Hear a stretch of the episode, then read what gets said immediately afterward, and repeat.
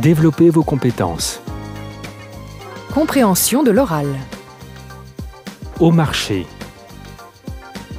Exercice 1. Tu as la liste des courses? On a pensé à tout?